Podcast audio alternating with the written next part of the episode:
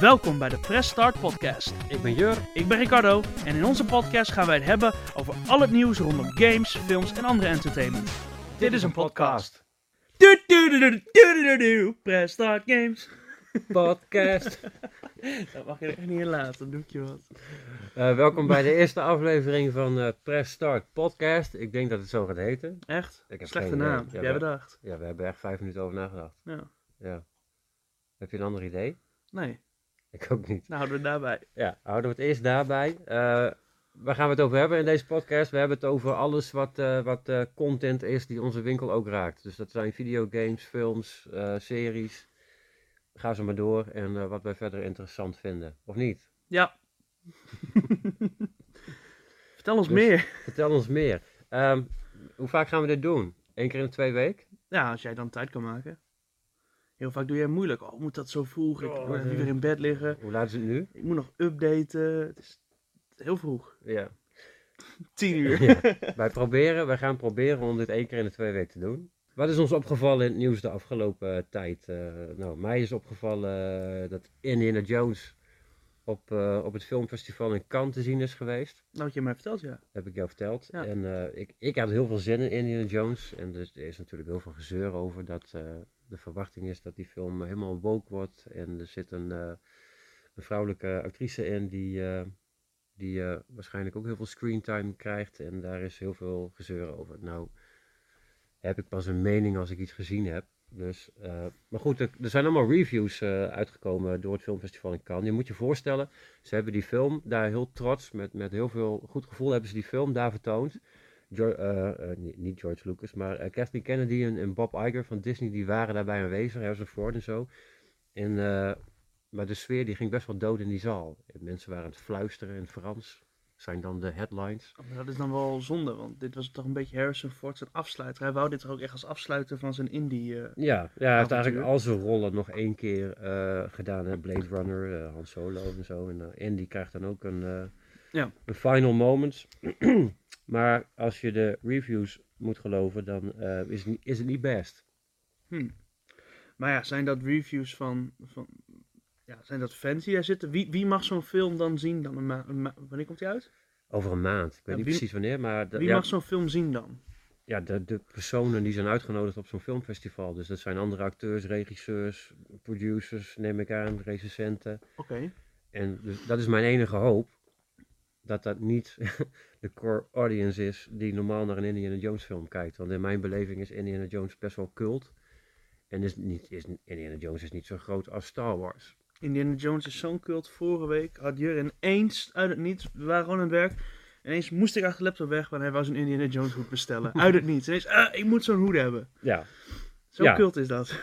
maar, ja maar, maar ik denk dat dat wel één bepaalde generatie is die echt liefhebber is van Indiana Jones. Ik denk niet dat het jou heel veel boeit, toch? Nee, nou, nou, nou, zal ik je, sterker nog, ik ken Indiana Jones zodat ik in, in mijn eerste aanraking met Indiana Jones was de Lego Indiana Jones games op de Wii. Oh, de Lego games. En daardoor vond ik hem als kind heel cool. En toen heb ik als kind, heb ik toen van mijn ouders die drie, toen waren er nog maar drie films, heb ik toen Ja. de drie films eh, op DVD hadden we die toen. En die heb ik gezien, maar ik ben echt in aangekomen met Indiana Jones door de Lego games. Dus als ik het Indiana Jones vooral voor me zie, dat klinkt heel gek, Mhm. zie ik dat in de Lego versie voor me in plaats van in de filmversie. Ja, precies. Ja, ja dat is wel grappig.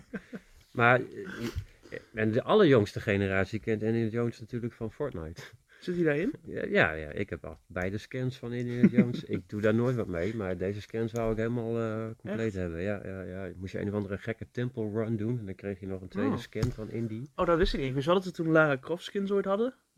Nou, dat wist ik dan weer niet. Maar zelfs mijn zoontje kent Indiana Jones, maar dat komt dus door Fortnite. Maar dat, dat zie je dus wel vaak even snel met, met Fortnite. Dat, dat je soms wel kinderen hebt die hebben hier dan... Oh, Dr. Doom van Fortnite. Of Ja, hey, ja. John Wick van Fortnite. Dat is Ja. wel, dat is wel nou, Nou ja, goed, als dat een manier is om voor, het levendig te houden. voor andere generaties om daar kennis mee te maken, dan is dat op zich helemaal niet slecht. Nee. Maar eh, ja, ik ben nog wel hoopvol over Indy. Ik, eh, ik heb graag mijn eigen mening. Dus Er was natuurlijk ook heel veel gezeur over Indiana Jones en de Crystal Skull. Heb je die ooit gezien? Nee. Fijn. Maar dat is... eh, Ik heb echt alleen die oh, eerst, eerste drie gezien. Zo. ja, en, en die... Nou, spoiler dan. Maar in die film, zeg maar, op het eind ontdekt Indy aliens. In een oude, oude tempel. En er blijken dan al heel erg lang aliens te zitten. En heel veel mensen zijn daar boos om. Of, ja, dat slaat nergens op. Aliens, bla bla. Maar goed, eh, is, is een beetje afwijkend van wat we eerder hebben gezien. Maar in de oude Indiana Jones films gebeurt ook allerlei gekke occulte shite. Hè? Met, die, met die ark en dat je gezicht wegsmelt Dat en zo. weg wegsmelten bij, ja. ja, dat, is, tempel, dat ja. is net zo eh far-fetched als, eh, als aliens in mijn hoofd. Dus, Ja. Maar je hebt ook heel vaak dat mensen in hun hoofd al zo'n canon hebben van de film, dat Ja, hun denken het hoort zo. En als de film dan eigenlijk zegt, nou dat klopt niet, nee, dan, dan, dan is het niet leuk. Nee, nou, ik denk dat dat met heel veel dingen zo is. Je hebt een bepaald verwachtingspatroon. Dat, ik denk dat dat ook heel grote teleurstelling toen van de laatste Star Wars films ook weergeeft. Dat mensen hadden een verwachtingspatroon. Ja. En dat dat dan... eh, Ja, en bij, maar ik vind wel bij Star Wars, bij Force Awakens, hebben ze dat verwachtingspatroon ook zelf gekweekt. Ze hebben een heel interessant verhaal neergezet. Snoke werd heel interessant gemaakt. ja.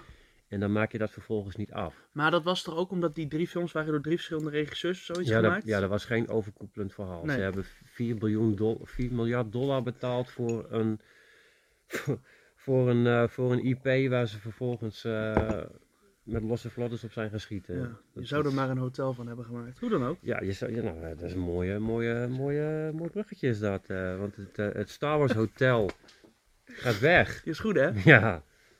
Het, het Professioneel. Sta- het Star Wars Hotel gaat weg. Echt? Ja. Oh, nee. Jij, jij- jouw Star Wars experience kan niet meer plaatsvinden in, eh, in Disney World. Echt? Wat jammer. Dan gaan we een weekend voor 5000 euro in een Star Wars hotel. Ja, Wat jammer. ja. Met allemaal Star Wars eten en zo. Echt? En, en, ja. Zit, maar zit er ook een kantine met... Je hebt eh, daar een hotelkamer zonder ramen, want je zit dan op zo'n, op zo'n, op zo'n schip of zo. Weet, weet ik veel. Zit Max Rebo ook in de kantine? Dat, nou, eh, nou, wat ik begrijp is dit hele hotel eh, compleet gefocust op de nieuwe serie films. En dat is, ik denk dat je dan ook meteen de reden hebt waarom mensen daar niet zoveel geld voor willen uitgeven. Ik denk dat als jij je hotel eh, had gecentreerd op de oude Star Wars films, dat dat beter was geweest. Ja? Ja, maar ik vind, ja. Heel veel, heel veel gedoe over Disney. Ehm, hè, met, ook met Peter Pan en Wendy. Alle, alle nieuwe, nieuwe films die verpesten wat vroeger ooit... Dit is glad wat, dan de mening van velen is. Hè? Ik heb het niet gezien, maar ik heb ook niet echt... Ik, ik hoef het ook niet echt te zien. Nee? Nee, Peter Pan is in mijn hoofd die tekenfilm of het is Hoek met Robin Williams. Ben je weet Peter Pan van ken? Nou, Van Fortnite. de, van de game. van Fortnite. Van Lego. Nee, ook van de game. Ik ken heel veel van dat soort dingen. Ik heb Peter Pan vroeger als kind niet gezien. Maar welke game heb jij gespeeld dan? Dat was zo'n Peter Pan game Op de op de PC. Eh, PC? Maar dat was van de tekenfilm. Ja. Ja, Oké, maar dan ken je hem van de tekenfilm. Ja, ja, ik ken hem van de tekenfilm. Want in die game zat ook, in plaats van cutscenes, zaten er gewoon stukjes van de, van de tekenfilm in. Oké. Nee, maar wat het is, is Disney is gewoon bepaalde dingen aan het proberen nu met films. En nee, eh, eh, film is kunst, dus je mag proberen wat je wil. En uiteindelijk bepalen de, kijk, de betalende kijkers wel of het werkt of niet. Dat, dat is altijd de theorie geweest. Maar Ja. Disney lijkt nu toch ook wel echt een, een, een soort van politieke beweging te maken. En eh, ook al kost het ze geld, eh, drukken ze die agenda wel door, zeg maar. Ja. En ik denk, het, ik sta niet echt aan een kant of zo, maar ik vind alles wat een agenda probeert door te drukken, vind ik al snel irritant. Omdat het dan heel snel geforceerd voelt. Ja, het gaat niet meer over entertainment. Het Nee. gaat niet meer om het verhaal, het gaat om een boodschap door te drukken. Ja. En, en eh, in mijn jeugd, en voor mijn gevoel, had Disney altijd een mooie morele boodschap. Dus goed en slecht, Ja. weet je wel. Ja. En, en wat daar dan tussen zit. En, dat, en nu wordt dat veel te veel één kant op gedrukt. Dat ben ik wel met jou eens, ja. Maar ja, ga, ja. Uiteindelijk, Op een onnatuurlijke wijze. En dan wordt het al snel irritant. Ja, dat wel. Maar op een duur, dan zou je toch denken van, nou, ze hebben nu een duur wel zo dat de fans het niet tof vinden. Of denk je dat ze dat gewoon echt Ik- niks uitmaakt? Nou ja, ik, ik weet niet of het zo uitmaakt of jij met jouw eh 22 hè? Of jij met jouw 23. 23. Of jij met jouw drie, je bent net jarig geweest. Ja. Of jij met je 23, eh, ik weet niet of jij nog langer de core audience bent. Ik, ik, ik heb niet het gevoel dat ik dat nog ben. Ik heb het gevoel dat Disney dat zich echt richt op de kinderen. En kinderen die zien dat anders dan wij. Ja, denk je dat? Ja, dat was, dat was ook het grote verhaal met Star Wars. Van eh, al, die, al die volwassenen die aan het zeuren zijn van dit is niet mijn Star Wars. Een van de reacties was toen van ja, fijn voor je, vervelend voor je. Het is ook niet wij- jouw Star Wars. Nee, het is ook niet voor jou. Het Ja. is voor kinderen van 8, 9, 10. Ja. Het is hun Star Wars, hun generatie. En ik moet zeggen dat mijn dochter vond Ray echt heel cool. Dus dat zie ik dan ook wel. Dus, Ja. Dus ik heb daar ook niet zo'n hele sterke anti-mening over of zo. Ik vond Ray ook niet vervelend toen de film keek. Ik vond het vooral vervelend dat er dan dingen, nou ja, wat je ook al zegt, dat er ergens naartoe wordt gebouwd en dat het dan Dat. afbrokkelt. Dat Verhaal bijvoorbeeld in, technisch is het stom. dat bijvoorbeeld in 7, dan heeft Finn op een duur ook die lightsaber vast. Dan denk je, oké, misschien dat zou cool zijn, een standroeper die dan een Jedi wordt of iets. Ze Dat- bouwden heel erg op naar Dat Finn Hero Arc. En Ja. dan in de tweede, derde film was het een achtergrondkarakter. ja. Ja, nou ja, ze hebben zichzelf zo vastgedraaid in die films dat ze Emperor Palpatine maar weer terug hebben gehaald in het slot. Om er nog enigszins iets van te maken. Maar dat is, eh, het is ook helemaal niet erg dat er een nieuwe generatie kwam. Maar je had, het, je, je had ook zo'n verhaal kunnen bedenken dat, eh, dat je zowel de jonge generatie als de oudere generatie fans gewoon happy had gehad. Ja. En dat, het lijkt soms eh, tegenwoordig een doelbewuste missie om je oude fans maar weg te drukken voor een nieuwe generatie fans. En dat, dat snap ik niet. Ja, maar dat kan bijvoorbeeld ook iets zijn waardoor die Indiana Jones film, waar we het net over hadden, zo slecht door die recensenten of door die mensen die zaten. Misschien drukt die nieuwe indie film misschien wel nou juist niet die agenda zo door, dat mensen hem daarom slecht Nou ja, dat, vonden. dat vraag ik me dus af. Dat zou heel goed kunnen dat, dat die film dan eh, niet woke genoeg is en dat recensenten daarom... eh, dat gebeurde bij de Mario film ook. Die kreeg hele slechte recensies in het begin van Ja. de grote eh, filmcritici. Want die vonden de film eh, niet woke genoeg. Dat Ja. ging helemaal nergens over. Dat ging helemaal... Dan, dan zit is je, Mario. dan zit je met zo'n rare verwachting naar een film te kijken. Dan, Ja. Ik bedoel, als ik film ga kijken, ik ga film kijken om mezelf uit te zetten. Maar Sch- Schakel je brein even uit. zeggen, kijken hun dan eh, films met, dan, hoor ik dat de film zien, dan kijken ze een film met zo'n lijstje.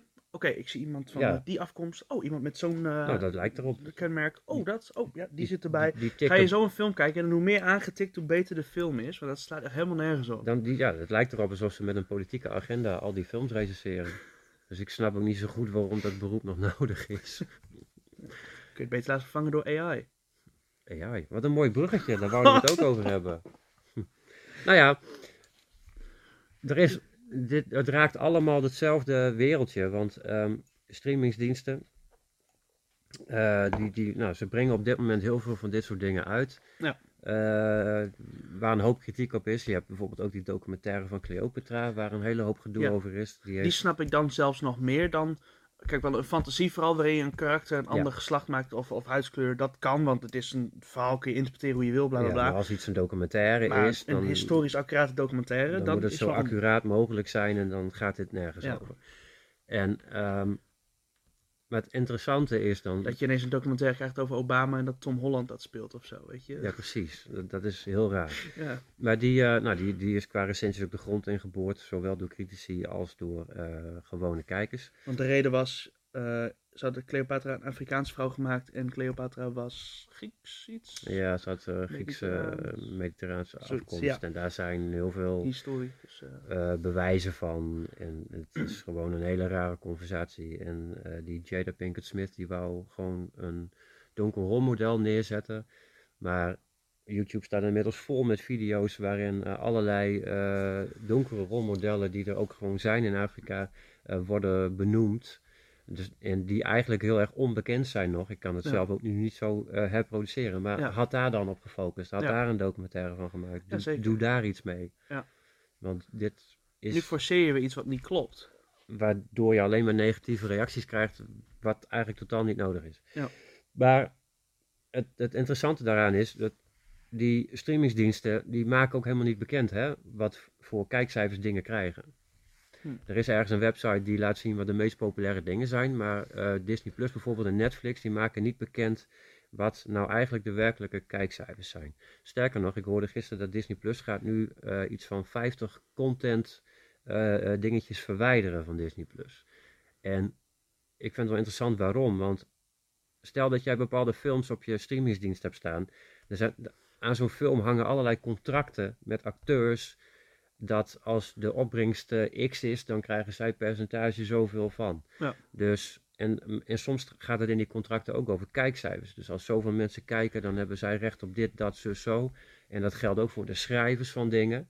Je zal bijvoorbeeld maar eh, schrijver zijn van The Boys of zo. Een serie die heel populair is. En daar verdien je dan eigenlijk niks meer aan, want je hebt het al geschreven, maar je hebt het wel bedacht. Eigenlijk is dat raar, hè? Stel, jij bent George Lucas. George Lucas was de bedenker van Star Ja. Wars. Heeft de merchandise rechten bij zichzelf eh, gehouden. Ja. En is daardoor superrijk geworden, omdat het zijn gedachtegoed is. Ja. Hij heeft dat geschreven. Maar tegenwoordig is het dus zo, je wordt aangenomen als schrijver. Jij mag een, een, je je schrijft een serie. Jij krijgt je loon daarvoor en toedeledokie. Ja, daarna is niks En- meer van jou. En stel nou dat die serie mega populair wordt, dan krijg jij dus niks meer. Je krijgt geen bonus, je krijgt niks extra's. Dus Nee. in die contracten willen ze extra inkomsten voor als iets wel in één keer heel populair blijkt te worden. Ja. En nou ja, daarvoor zijn eh, schrijvers dus nu aan het staken. Maar eh, wat ik interessant vind is dat een van hun eisen is ook dat ze willen dat eh, filmmakers in Hollywood en al die bedrijven beloven dat ze geen gebruik gaan maken van AI om hun te vervangen. Want ze zijn ook bang dat ze vervangen gaan worden door AI. Dat je AI zegt van, hé, hey, schrijf eens een goede Star Wars 10. Ja, want dan zou je geen schrijvers meer nodig hebben. En dan Nee. zou de film pas beter worden dan Wat 8 een en 9. Maar, maar dat is wel interessant. Zij zijn super bang voor AI. Ja. En, want dan ben je ook gelijk van het rechtenverhaal af. Want als Disney zelf AI een film laat schrijven, dan zijn die rechten van niemand meer. En als je dan ook nog je acteurs vervangt door AI. Ja, wat heb je dan nog? Alleen het, het kromme daarvan vond ik dan weer dat eh, die, die, er, er is niemand boos geworden toen het een goed idee leek om AI bijvoorbeeld te gebruiken voor stemacteurs. Ja, wel, wel, dat, is, dat is geweldig dat het nu kan, dan heb je geen stemacteurs meer nodig. Dat was toch in de Obi-Wan serie met Darth Vader. Hadden ze de, met een stem AI hadden ze de stem van die Ja, en, man samengevoegd met Hayden. eh, ja, en dat hebben ze later volgens mij weer gedaan. Eh, en die, eh, nee, in Obi-Wan hebben ze dat gedaan, maar Ja. ze hebben het eerder ook gedaan. Oh. En Rogue One, en in Rogue One klinkt het een beetje eh, shabby. maar als je het in eh, Obi-Wan Kenobi kijkt, dan is het in één keer heel goed. Dan komt het echt super in de buurt van nou ja, James het komt zo in de buurt. Er zijn gewoon video's op YouTube, dat liet ik dan bijvoorbeeld aan mijn moeder zien. Dan heb je AI en dan laat ze bijvoorbeeld, weet ik veel, Oh. Frank Sinatra een nummer zingen wat nu is uitgekomen. Zo. Dat klinkt gewoon echt net alsof dat hem is. Ja, of Trump en Biden die Rocket League spelen. Ja, dat, geweldig. Dat, ja, oh, dat nee, vind ik mooi. ja. Geniet ik van. Maar, maar stemacteurs, hun baan raakt daarmee wel, eh, gaat op de tocht staan. Dat is gevaarlijk. Maar nu, nu dat het de schrijvers raakt, wordt er dus op dit moment heel erg gestaakt in, in, eh, in Hollywood. Ja. Eh, want zij willen daartegen beschermd worden. Maar dat vind ik een beetje krom, want dat zou dan voor iedereen in die industrie moeten gelden. Dat Oh, iedereen- ja, ja, je gaat waarschijnlijk overal mensen vervangen. ja. Als ik jou kan vervangen met AI. Grapje. Maar, nee, maar dat is, ik vind het een raar iets. AI. Ik vind Ja. het ook ik semi-eng, zeg maar. Maar goed. Ja, maar ja, aan de ene kant, kijk, dat is dat vervangen natuurlijk op dat gebied slecht. Maar nou las, was gisteren op nieuws zo, er waren twee kinderen, twee kinderen, twee eh, mensen voor hun PBS, profielwerkstuk op de middelbare school. Ja, En die hadden een AI ontworpen die longkanker kon ontdekken. Ja, ja, Heb je ja. dat gezien? ja als, als hulptool voor doktoren. En eh, ja, want dat ding was 90% accuraat of zo. ja, en 94 Ja, zelfs. en dat kon 24 uur lang doordraaien en zo'n arts niet. Kijk, dan is het natuurlijk dat je denkt van ja, je kan zo'n arts niet vervangen. Maar ja, als je vijf keer zo snel longkanker kan opsporen. Ja, nou, je zou in plaats dan- van twee artsen, zou je één arts met AI kunnen laten werken om sneller... eh, het, laat ze er met werken, niet vervangen. Hetzelfde met zelfscankassa's. Dat, je, dat, Ja. Jij zei ook dat dat is vervangen. Maar per zelfscankassa moet nog steeds een cashier bij zijn. Ja, maar. was van de week zo, er was ook in het nieuws dat er zoveel gejat wordt in supermarkten tegenwoordig door die zelfscankassa's. Dat, eh, ja. Nou ja, ik ben erop tegen dat mensen vervangen worden. Niet zozeer omdat mensen beter werk leveren dan AI, maar wel omdat eh, we naar een antisociale maatschappij gaan als alles wordt aangestuurd door robots en AI. Ja, Dat vind ik gewoon, ja, misschien Ja. is dat mijn leeftijd of zo. Maar wat ik interessant vond van die, eh, van die schrijvers is dat de, de, de anti-woke gemeenschap, die vindt het grappig dat de schrijvers nu eh, bang zijn dat AI het scriptschrijven bijvoorbeeld gaat overnemen, omdat zij dan geen controle meer hebben over wat er in die scripts komt. Dus je zou kunnen zeggen dat eh, jij als schrijver van een serie jouw woke agenda niet meer in een serie kan drukken als jij dat niet zelf kan schrijven. Want als we vaststellen dat AI. eh, AI gaat waarschijnlijk kijken naar wat de meeste mensen leuk vinden. Ja. En gaat daar iets uithalen. En dan denk ik dat je gaat zien dat de groep mensen met die agenda kleiner is dan de personen die de films kijken. Vandaar ook al die recensies op, op Ja. hele erg woke dingen. Ja.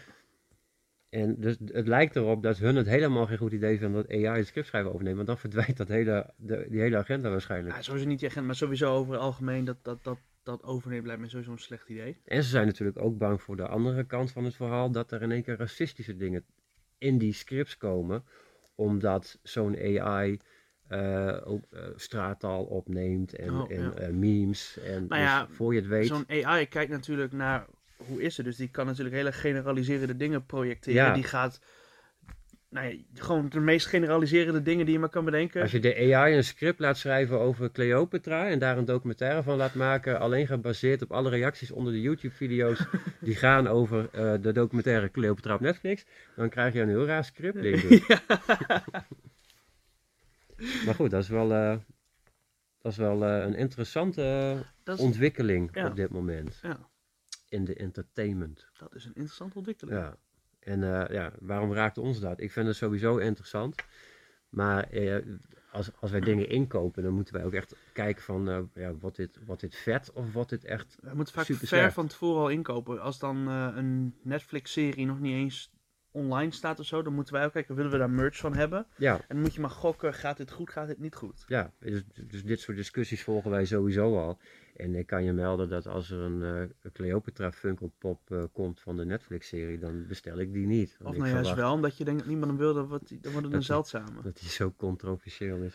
Ja, dat zou kunnen. Ja. Ja, heb je nog andere nieuwsfeitjes, Ik heb, eh, ik heb ook een leuk Heb- nieuwsfeitje. oh, je hebt een leuk ja, nieuwsfeitje. dit nieuwsfeitje ging over, over een game die vorige week uit was gekomen. Welke game? The Legend of Zelda, Oh, ja, Tears of Kingdom. ja. Binnen drie dagen 10 miljoen keer verkocht. Ja, dat is het best verkopende... Ja.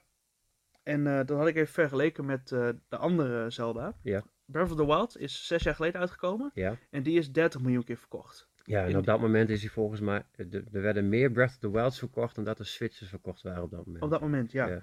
Maar dat, de, dat die nieuwe Zelda nu al een derde verkoop doet van de Zelda die er al zes jaar is. En de meest verkochte Switch game had ik ook even opgezocht. Ja. Dat is Mario Kart 8. Ja. Die heeft 53 miljoen keer verkocht. En zijn daar dan de Wii U-exemplaren bij meegerekend? Nee, of dit is echt de Switch de exemplaren. Nou, dat is knap. Hadden we het niet vooruitgemaakt, want niemand kocht een Wii U. Ja, nou, dan had Maar je dat plus wel- 10 kunnen doen. Ik vond het wel een interessant feit, want heel veel mensen zeiden wel, ja, Breath of the Wild gaat alles over de kop gooien. Maar ik had nog een beetje twijfels van, ja, dat kan ook hype zijn.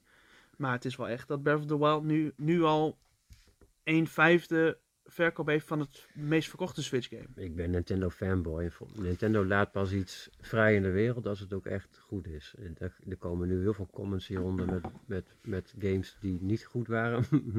maar ik, als je het vergelijkt met de Oh ja? andere, als je het vergelijkt met PlayStation en Xbox, dan en titels die daar uitkomen, dan denk ik dat Nintendo wel de meeste polishen over zijn games heen gooit. eh, Ja. Qua dat. Nintendo heeft niet zo'n Jedi Fallen Order eh, game. Nee, of eh, cyberpunk eh, praktijken, dat hoor je bij Nintendo toch een stuk minder. Die, Over Fallen Order gesproken, ik, ik heb hem gespeeld. Heb jij gespeeld? Ja, wat heb jij eigenlijk deze week eh ik ben wel goed met die bruggetjes, hè? gespeeld en wat voor films heb jij gezien? Dat was een bruggetje. Ehm, nou, qua games heb ik Jedi Fallen Order gespeeld. We hadden toen in de andere video hadden we het erover dat ik... dat, hadden we die grappige Ja, video gemaakt met... eh, gemaakt, hè? ja, op de dag dat Jedi uitkwam, ik speel mezelf op PC. Toen, eh, toen was er nogal wat problemen op de PC. Er waren de recensies waren heel slecht. De, de game op PC kwam niet boven de 40 fps, hoe sterk je PC ook was. Ja, Maar ja, curiosity killed the cat. Dus ik, eh, je hebt hem toch gekocht. ik heb hem nog gekocht. Ik heb er gewoon 70 euro eraan gegooid. Boeien.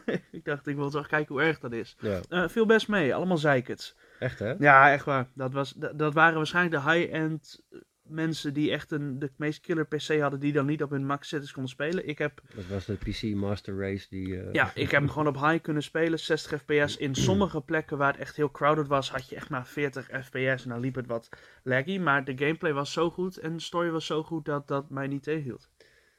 Nee, maar even advocaat van de duivel. Die mensen die, die, die zeiken tussen haakjes, die hebben eigenlijk wel gelijk. Want het product is eigenlijk niet goed. Ja, zeker. Dus dat, dat jij er vrede mee hebt dat het niet perfect is. Dat zegt ook iets over hoe games tegenwoordig op release zijn. We zijn het eigenlijk wel gewend, hè? Nou ja, dat, dat, ik, dat ik weet dat de game slecht hem nog steeds koop, dat zegt wel wat. je. Ja, we zijn eigenlijk gewend aan het feit van ja, de games zijn altijd buggy als ze uitkomen. Ja. Ja, Maar ja, voor de rest, een hele toffe game. Ik heb hem uitgespeeld. Iets van 20 geen, of geen 30 uur. spoilers hè? Geen spoilers, maar eh, je hebt, ik krijg wel een lightsaber. Oh, in een Star Wars spel. Dikke spoiler, dikke spoiler. Er zit ook een agenda in die game. Nou, Is die woke? ja. En eh, heb, je, heb je verder nog iets? eh jij, wij- jij hebt nog iets gespeeld, weet ik. Je hebt ook iets met mij gespeeld. Ik heb, eh, ja, er is nog een andere game die uit is gekomen twee weken geleden. Dat is Darkest Dungeon 2. Dat zegt jou ik niks. Daar heb ik het helemaal niet over. Hele maar- vette game. Ja, Maar een hele leuke dungeon crawler game. Zeker even checken. heb ik wel naar gekeken, heb het nog niet geprobeerd. Maar- artstyle is echt heel vet. want, wij- want ik ben op dit moment verslaafd aan een andere game. Waar jij ook aan verslaafd bent. Ik ben niet verslaafd aan Fallout 3. Civilization. oh, Civ. Ja, ja, ja, ja. ja. Wij hebben uh, het nog Civ gedaan. We zijn heel erg in Civ 6, toch? Ja. Ja, Is leuk. Superleuk. Ik ben eh, aan het proberen om eh, te kijken wat voor achievements er allemaal zijn. En om dan de game zo te spelen om daar een paar van te unlocken. Jij speelt Civ al lang, hè? Sinds de jaren 80? Ja, ik heb het toevallig even ge... Nee, jaren 80 niet. De eerste nee? Civilization kwam uit in 1991. Dat Zo. heb ik even gecheckt. Toen was ik min 9. Die heb ik thuis gewoon staan van mijn Amiga. Maar ehm, toen was ik een jaar of 10, 11 toen ik dat speelde. Maar eh, ja, ik vind dat super relaxed om te spelen. En jij nu ook, dus dat is cool. Want we hebben Ja. het laatst ook samen gespeeld. Nog twee gespeeld. vrienden. Ja. Dat was voor mij de eerste keer dat ik het multiplayer speelde. Hij dus werd echt emotioneel. We waren echt turn 5. dit is Voor de mensen cool. die Civ niet kennen, wat, waarom kijk je hier, luister je naar? Maar Civ is, dan moet je een, eh, ben je een, eh, een civilization, moet je, uh, leg eens uit. Leg het eens mooi uit. Nou, je kunt bijvoorbeeld Cleopatra spelen. en dan niet de Netflix-versie. En dan begin je echt in het jaar 0 of ver voor het jaar 0. En dan moet jij je hele civilization opbouwen. Ja, dit doe, ik, dit doe ik puur zodat mijn moeder de video niet op pauze drukt en mij vraagt, wat is Civ? Jullie hebben het er al is over. dat? Ja, dus eh, alsjeblieft. Maar eh, ja, dus je moet de stadden bouwen en dan andere eh, dingen. Zo heel leuk. En dan ga je steeds verder in technologie. En dat betekent ook dat je andere civilisaties tegenkomt en dat je daarmee moet dealen op Ja. diplomatiek niveau of in oorlog en whatever. Maar ja, wij- jij had dat dus nog nooit online gespeeld. En wij Nee. speelden dat online. En echt na vijf minuten werd je helemaal eenmaal van... Oh, dit is vet leuk. En oh, ik, ik word hier emotioneel van. Ik speel dat sinds de jaren negentig en dit kan ik eindelijk online doen. Alsof je voor het eerst vrienden had. Nou, dan zijn we eigenlijk weer terug bij AI, hè? Want het is dus eigenlijk veel leuker om met echte mensen te spelen dan met AI. Ja, maar hoe cool zou het zijn als, als AI in games zou implementen? Dat je bijvoorbeeld de Sims speelt en dat die Sims helemaal aware worden. Of in Civ, dat die, dat die Civilization helemaal aware worden. Dat zou, nou ja, dat is ook een angst, hè? Want, eh, stel dat dat gebeurt. Angst, dat is... Stel je voor je speelt de Civ en... Nou, dat is toch het doemscenario. Ja, oké. Maar ja, nou, eh, Civilization dus. En eh, nou, je zei het net al, ik, ik zit ook heel erg in, eh, in Fallout 3. Oud Dat is spel. een game uit 2008, 2009 geloof ik. Maar ik heb een Steam Deck gekocht en dat is voor mij de beste manier om te gamen, want anders zit ik... Met, zit ik maar met digitale games is het de beste manier. nee, nou daar niet om. Ik heb heel veel, ik heb Fallout ook fysiek. Ik heb zelfs voor de PC heb ik hem fysiek. Maar ehm, ik game niet meer op mijn PC, want die staat op zolder. En dan ben ik eh, compleet verwijderd van mijn gezin. Dus dan voel ik me na een half uur al schuldig en dan ga ik toch maar weer naar beneden. Maar met zo'n Steam Deck zit je gewoon gezellig bij iedereen en kun je, kun je gamen zonder dat je je schuldig hoeft te voelen. Ja. En eh, daarom eh, sta ik mezelf toe om nu te verdwijnen in de lore van Fallout 3. En ik moet zeggen, die game die staat voor mij nog recht overeind. Het is echt geweldig. Ja. Ik vind hem beter dan deel 4. Controversieel. Oeh, ja? Controversieel? Ik vind, het, ja, ik vind eh, Fallout 3 meer samenhang hebben. Je kunt, ik heb, voor mijn gevoel is dat eh, verhaal en de map en het ontwerpen daarvan is allemaal gedaan door een team die alles van elkaar wist. Dus die hele map voelt als één wereld. Terwijl als ik in Fallout 4, dan heb ik veel meer het idee dat die map in segmenten is opgedeeld en dat er in de linker eh, bovenhoek dingen gebeuren waar ze in de rechter onderhoek niks van weten. Terwijl dat in Fallout 3, dan, dan gaat het nog wel eens over dingen die plaatsvinden linksboven, zeg maar. Ja. En dan voelt het meer als, als één verhaal. En bij Fallout 4 kreeg ik vrij snel het gevoel dat ik door het script aan het heen kijken was. Zeg Oh maar. ja, dat is dan jammer. En dan krijg je, Dat je het maar, spel door hebt, zeg maar. ja, dat je het door hebt of Ja. zo. En, dat, en dat- als ik dat niet heb in games, dan vind ik het vaak goed. Want dan kom ik er zelf ook beter in. Ja. En eh, nou, dat is eigenlijk hetzelfde als, we zijn we weer terug bij die Star Wars films. Je kon zo zien hoe ze het hun eigen lekken hebben gefixt. Dat je, dat je denkt van, nee. Ja. Heb je verder nog iets gezien of eh, gespeeld? Eh, ja, met DS Bouncers Inside Story. Je verzamelt eh, DS-games, hè, sinds kort. Ja, sinds kort. Vind ik leuk. Je bent aangestoken door klanten, hè? Ja, dat is weer een leuke anekdote. Dat hè? is een leuke gameshop anekdote. Oh, wat een leuke gameshop anekdote. Nou, we hebben, dat begon altijd al, we hebben één klant. We noemen hem, voor dit geval noemen we hem John. Ja, John. Hij heet natuurlijk geen John. Hij heet natuurlijk geen John. En eh, die man die eh, verzamelt de Xbox 360 games en die komt echt elke week, al vanaf dat wij open zijn, bijna elke week langs. Ja, Wij zeggen ook altijd, het is pas weekend als John is geweest. En, hij is, hij is één keer niet en geweest. ze heeft ons een mailtje gestuurd van, ik wil je even laten weten dat het weekend is. Had hij corona. Ja, superleuk. Nou, niet dat corona, dat was niet leuk. Maar nee. hoe dan ook, die man verzamelt Xbox 360 games. Die had dan ook een app en daarmee kon hij dat bijhouden. Liet zien, kijk, ik heb nou 200 nog wat, zoveel. Dat heeft je Super. aangestoken, hè? Nou, dat, dat triggerde bij jou, want ik, ik heb sowieso het verzamelgen. Ik verzamel alles wat, wat los en vast zit. Ja. Maar, ehm, dus dat triggerde me. Toen was ik zoiets van, oh, dat is wel cool om zoiets te verzamelen. Toen had ik zoiets van, ja, weet je, het- Jur verzamelt Switch. Heb ik zoiets van, ja, als je elke eh, week een Switch game, elke maand, dan wordt ook een duur grapje. Dus ik had zoiets van, nou, laat maar. Dus dat wakkerde weer af. En toen, een andere kameraad van ons, die kwam ineens in een groepsapp van ons, liet die foto zien van, oh, kijk, mijn collectie wat ik allemaal op zolder heb liggen. Ja. En er lagen ook heel veel DS games. En toen kreeg ik weer die nostalgie, want DS is de console waarmee ik ben opgegroeid. Handheld, ja. Mijn eerste DS 2007, 8, 2006 kwam de DS uit. En mijn eerste was die Lime Green Light, die wil ik nog steeds weer terug hebben. Dat was mijn eerste model, die, die Lime Green. En eh, met Pokémon Diamond, dat is mijn eerste game. En, eh, maar ik kreeg die nostalgie al van dat ik dat weer zag. En ik had zoiets van, ja, weet je, ik weet nou al dat ik over 10 jaar, als ik, of, nou, of 20 jaar, als ik als oud ben als jij. Als dat jij bent, als jij, als jou, als jij. Als, als, ja, ga verder. Als. Als, ja, zo oud. Ehm, dan heb ik die nostalgie weer. Maar ik weet ook dat over 20 jaar zijn de Pokémon's en de Mario's en alles waarschijnlijk nog duurder op de DS. En alle games die ik leuk vond. Onbetaalbaar en onvendbaar. Ja, dus ik had zoiets van, ik begin nu alvast gewoon met verzamelen. Want A, ik vind het leuk. En B, het scheelt me later waarschijnlijk veel geld. En C, ja, ik ben ze nou ook allemaal aan het spelen. Ik heb gisteren kreeg ik alle Professor Laytons eh, had ik op Marktplaats gescoord. Dus die heb ik nu ook eh, binnen. zijn Ja, ook hele toffe Had je games. laten zien. Het, het- maar je, je zou elke week een game kopen, hè? Maar dan valt het ook eigenlijk helemaal niet op als je 5 of 10 Nee. euro... Nee, want heel veel DS games zitten tussen de 5 à 10 euro. Je hebt soms wel wat uitschieters bij. Maar als je gewoon elke week om de twee weken gewoon één of twee games koopt, dan gaat het wel langzaam. Ik heb, Mhm. ik heb, heb heel niks aan gehouden. Ik ben twee weken geleden begonnen met verzamelen. Ik heb nu, voor mij heb ik thuis 17 games liggen. Het gaat ergens mis. Maar ik heb ook begrepen dat jouw moeder, die wakkert dit ook aan. Die vindt het ook leuk, want die heeft inmiddels ook een DS, toch? ja, nou ja, mijn moeder, ehm, die, eh, die had vroeger ook altijd een DS. En die speelde dan al die eh Cradle of Rome spellen en zo. Ja. En brain training. Heeft Ja. niet echt geholpen. Nou, dat is wel grappig. In, in- in 2010 was ik manager van een music store. En toen kwamen heel veel, bijna elke week kwam wel zo'n puzzelgame uit. Of zo'n zoekspelletje. Ja, ja, ja. En dan, dan wist je al van, er komen zo meteen alle huismoeders van eh 30, 40, die komen dat halen. En dat was ook zo. Die games die werden echt enorm goed verkocht onder die doelgroep. Maar ja, dus nou zegt mijn moeder dus ook elke week van, oh neem voor mij ook weer een spelletje mee. Ja, jouw moeder is zo'n huisvrouw. Gra- grapje Rennie. Maar eh, ja, het is grappig om te zien dat dat nog steeds... eh, Ja. ik, ik vind het alleen maar cool dat jij dat verzamelt, want ik, ik, ik ben inderdaad oud. En ik zat vroeger altijd op, op fora eh, waarin NES en Super Nintendo, dat werd super verzameld. Later kwam daar Sega Mega Drive bij, want dat was dan ook wel cool. Maar alle moderne zooi zou nooit verzameld worden, want het was allemaal massaproductie, er was allemaal troep.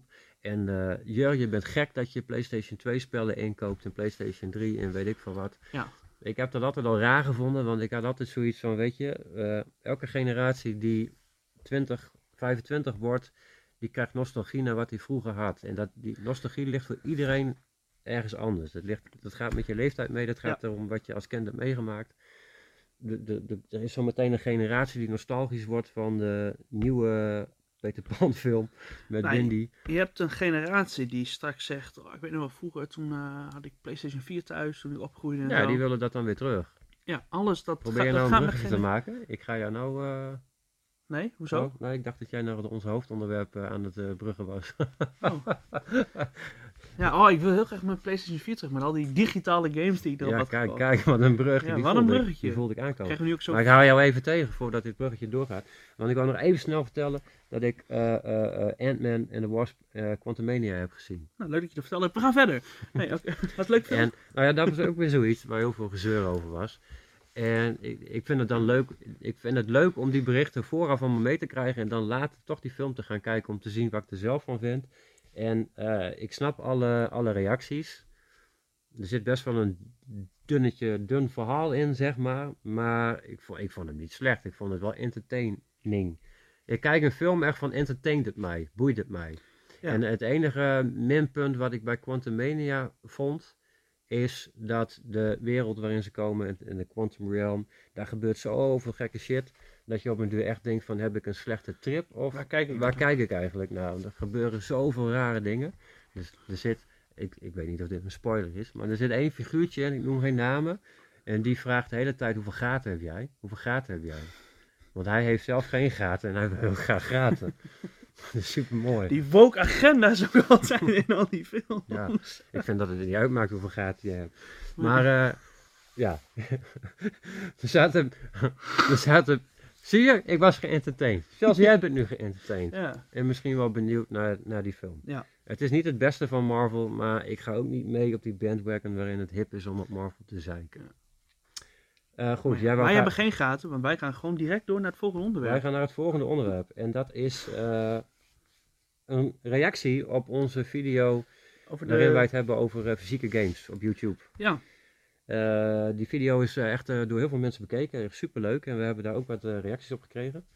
Even in het kort, waar ging het eigenlijk over? Het ging, het ging erover dat wij werken natuurlijk in een gameshop. En mocht je de video niet gezien hebben, mocht, mocht je je dit de video, luisteren. ja, dan het, het ging er in het kort over dat wij waarnemen dat fysieke games aan het verdwijnen zijn. Nou, dat zijn ze natuurlijk al heel lang. Dat doemscenario eh wordt al heel lang besproken. Eh, ondertussen zijn fysieke games nog steeds. Maar wij zien nu, eh, en dat komt ook door corona, toch wel een versneld tempo waarin dat verdwijnt.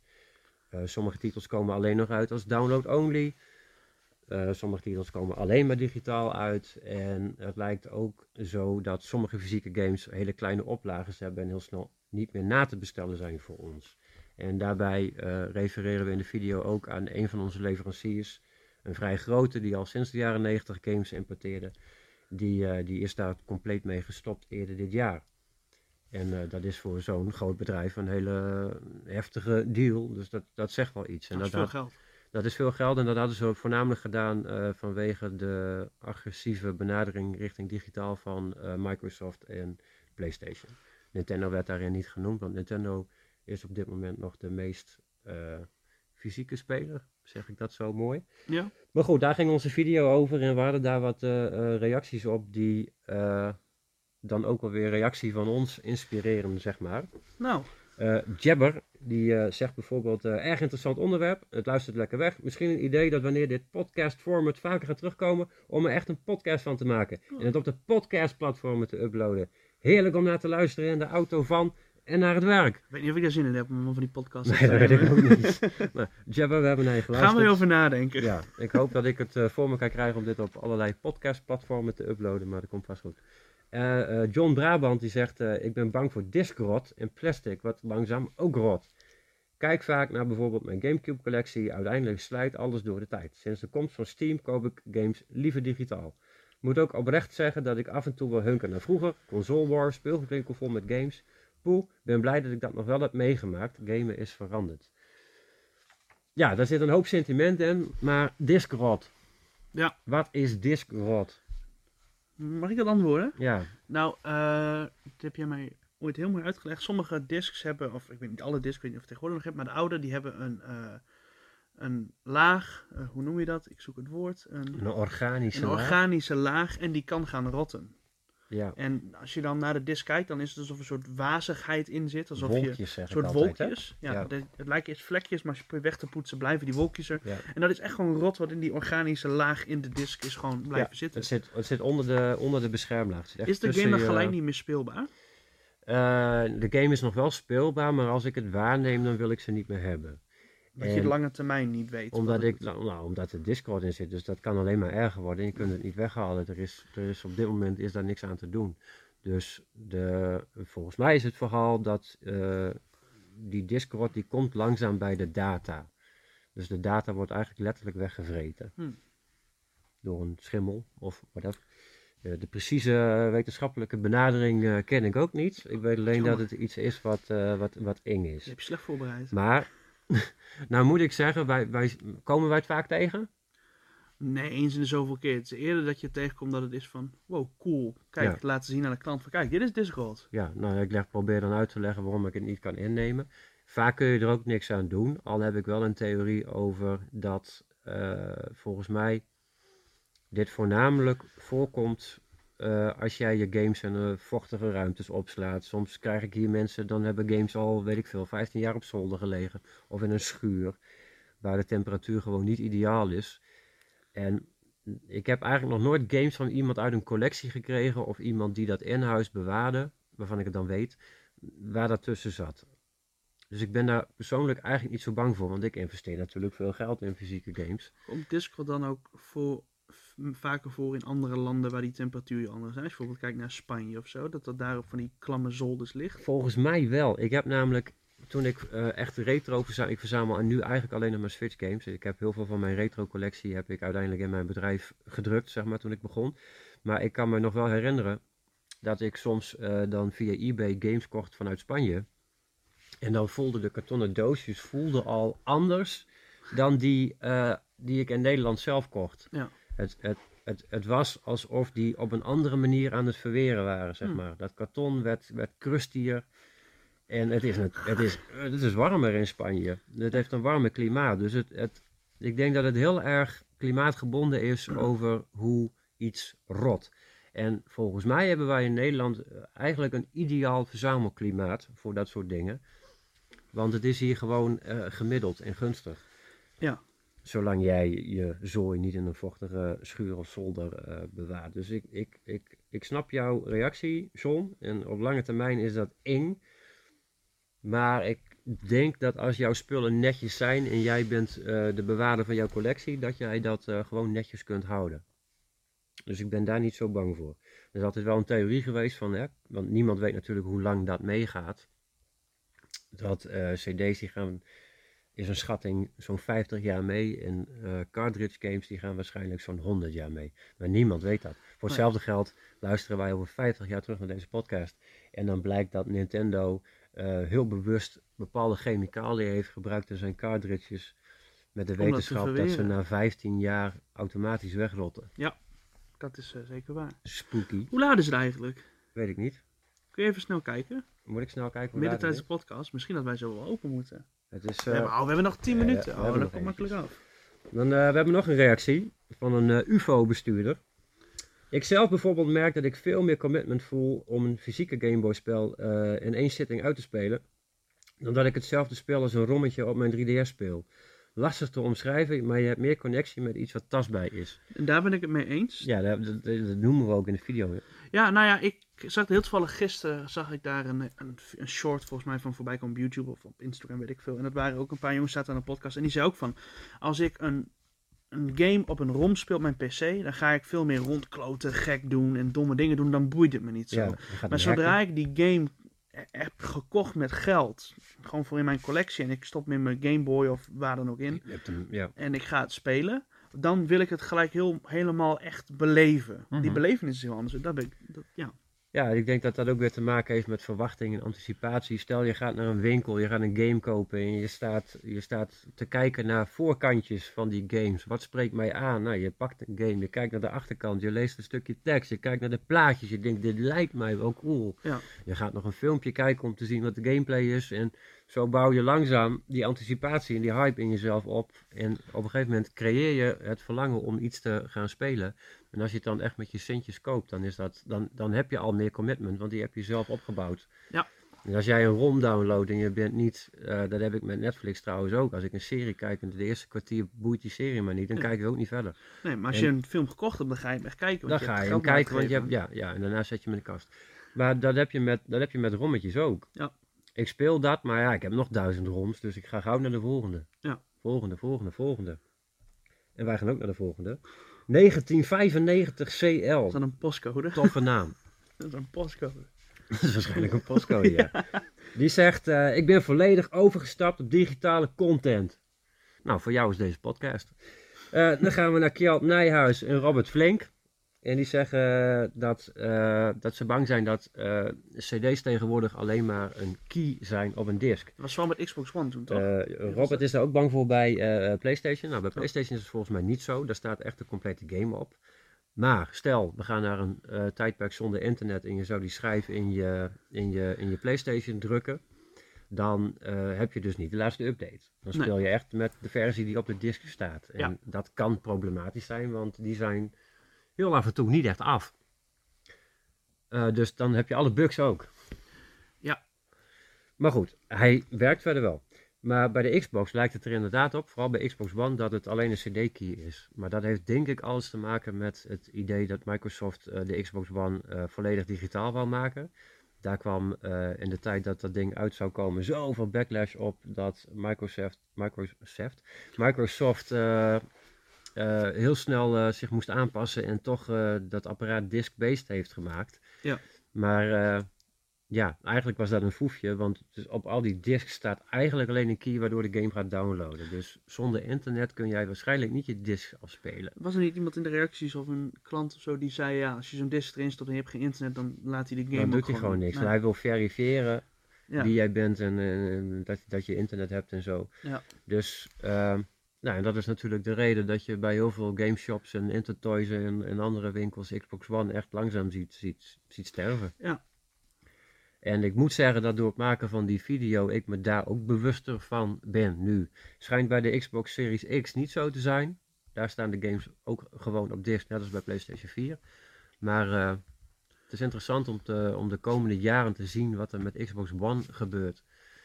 En ik denk dat, dat als dat alleen een, een, een fysiek of eh, digitaal iets blijft, dan is daar toch minder liefde naar over tien. Komt er dan nostalgie naar?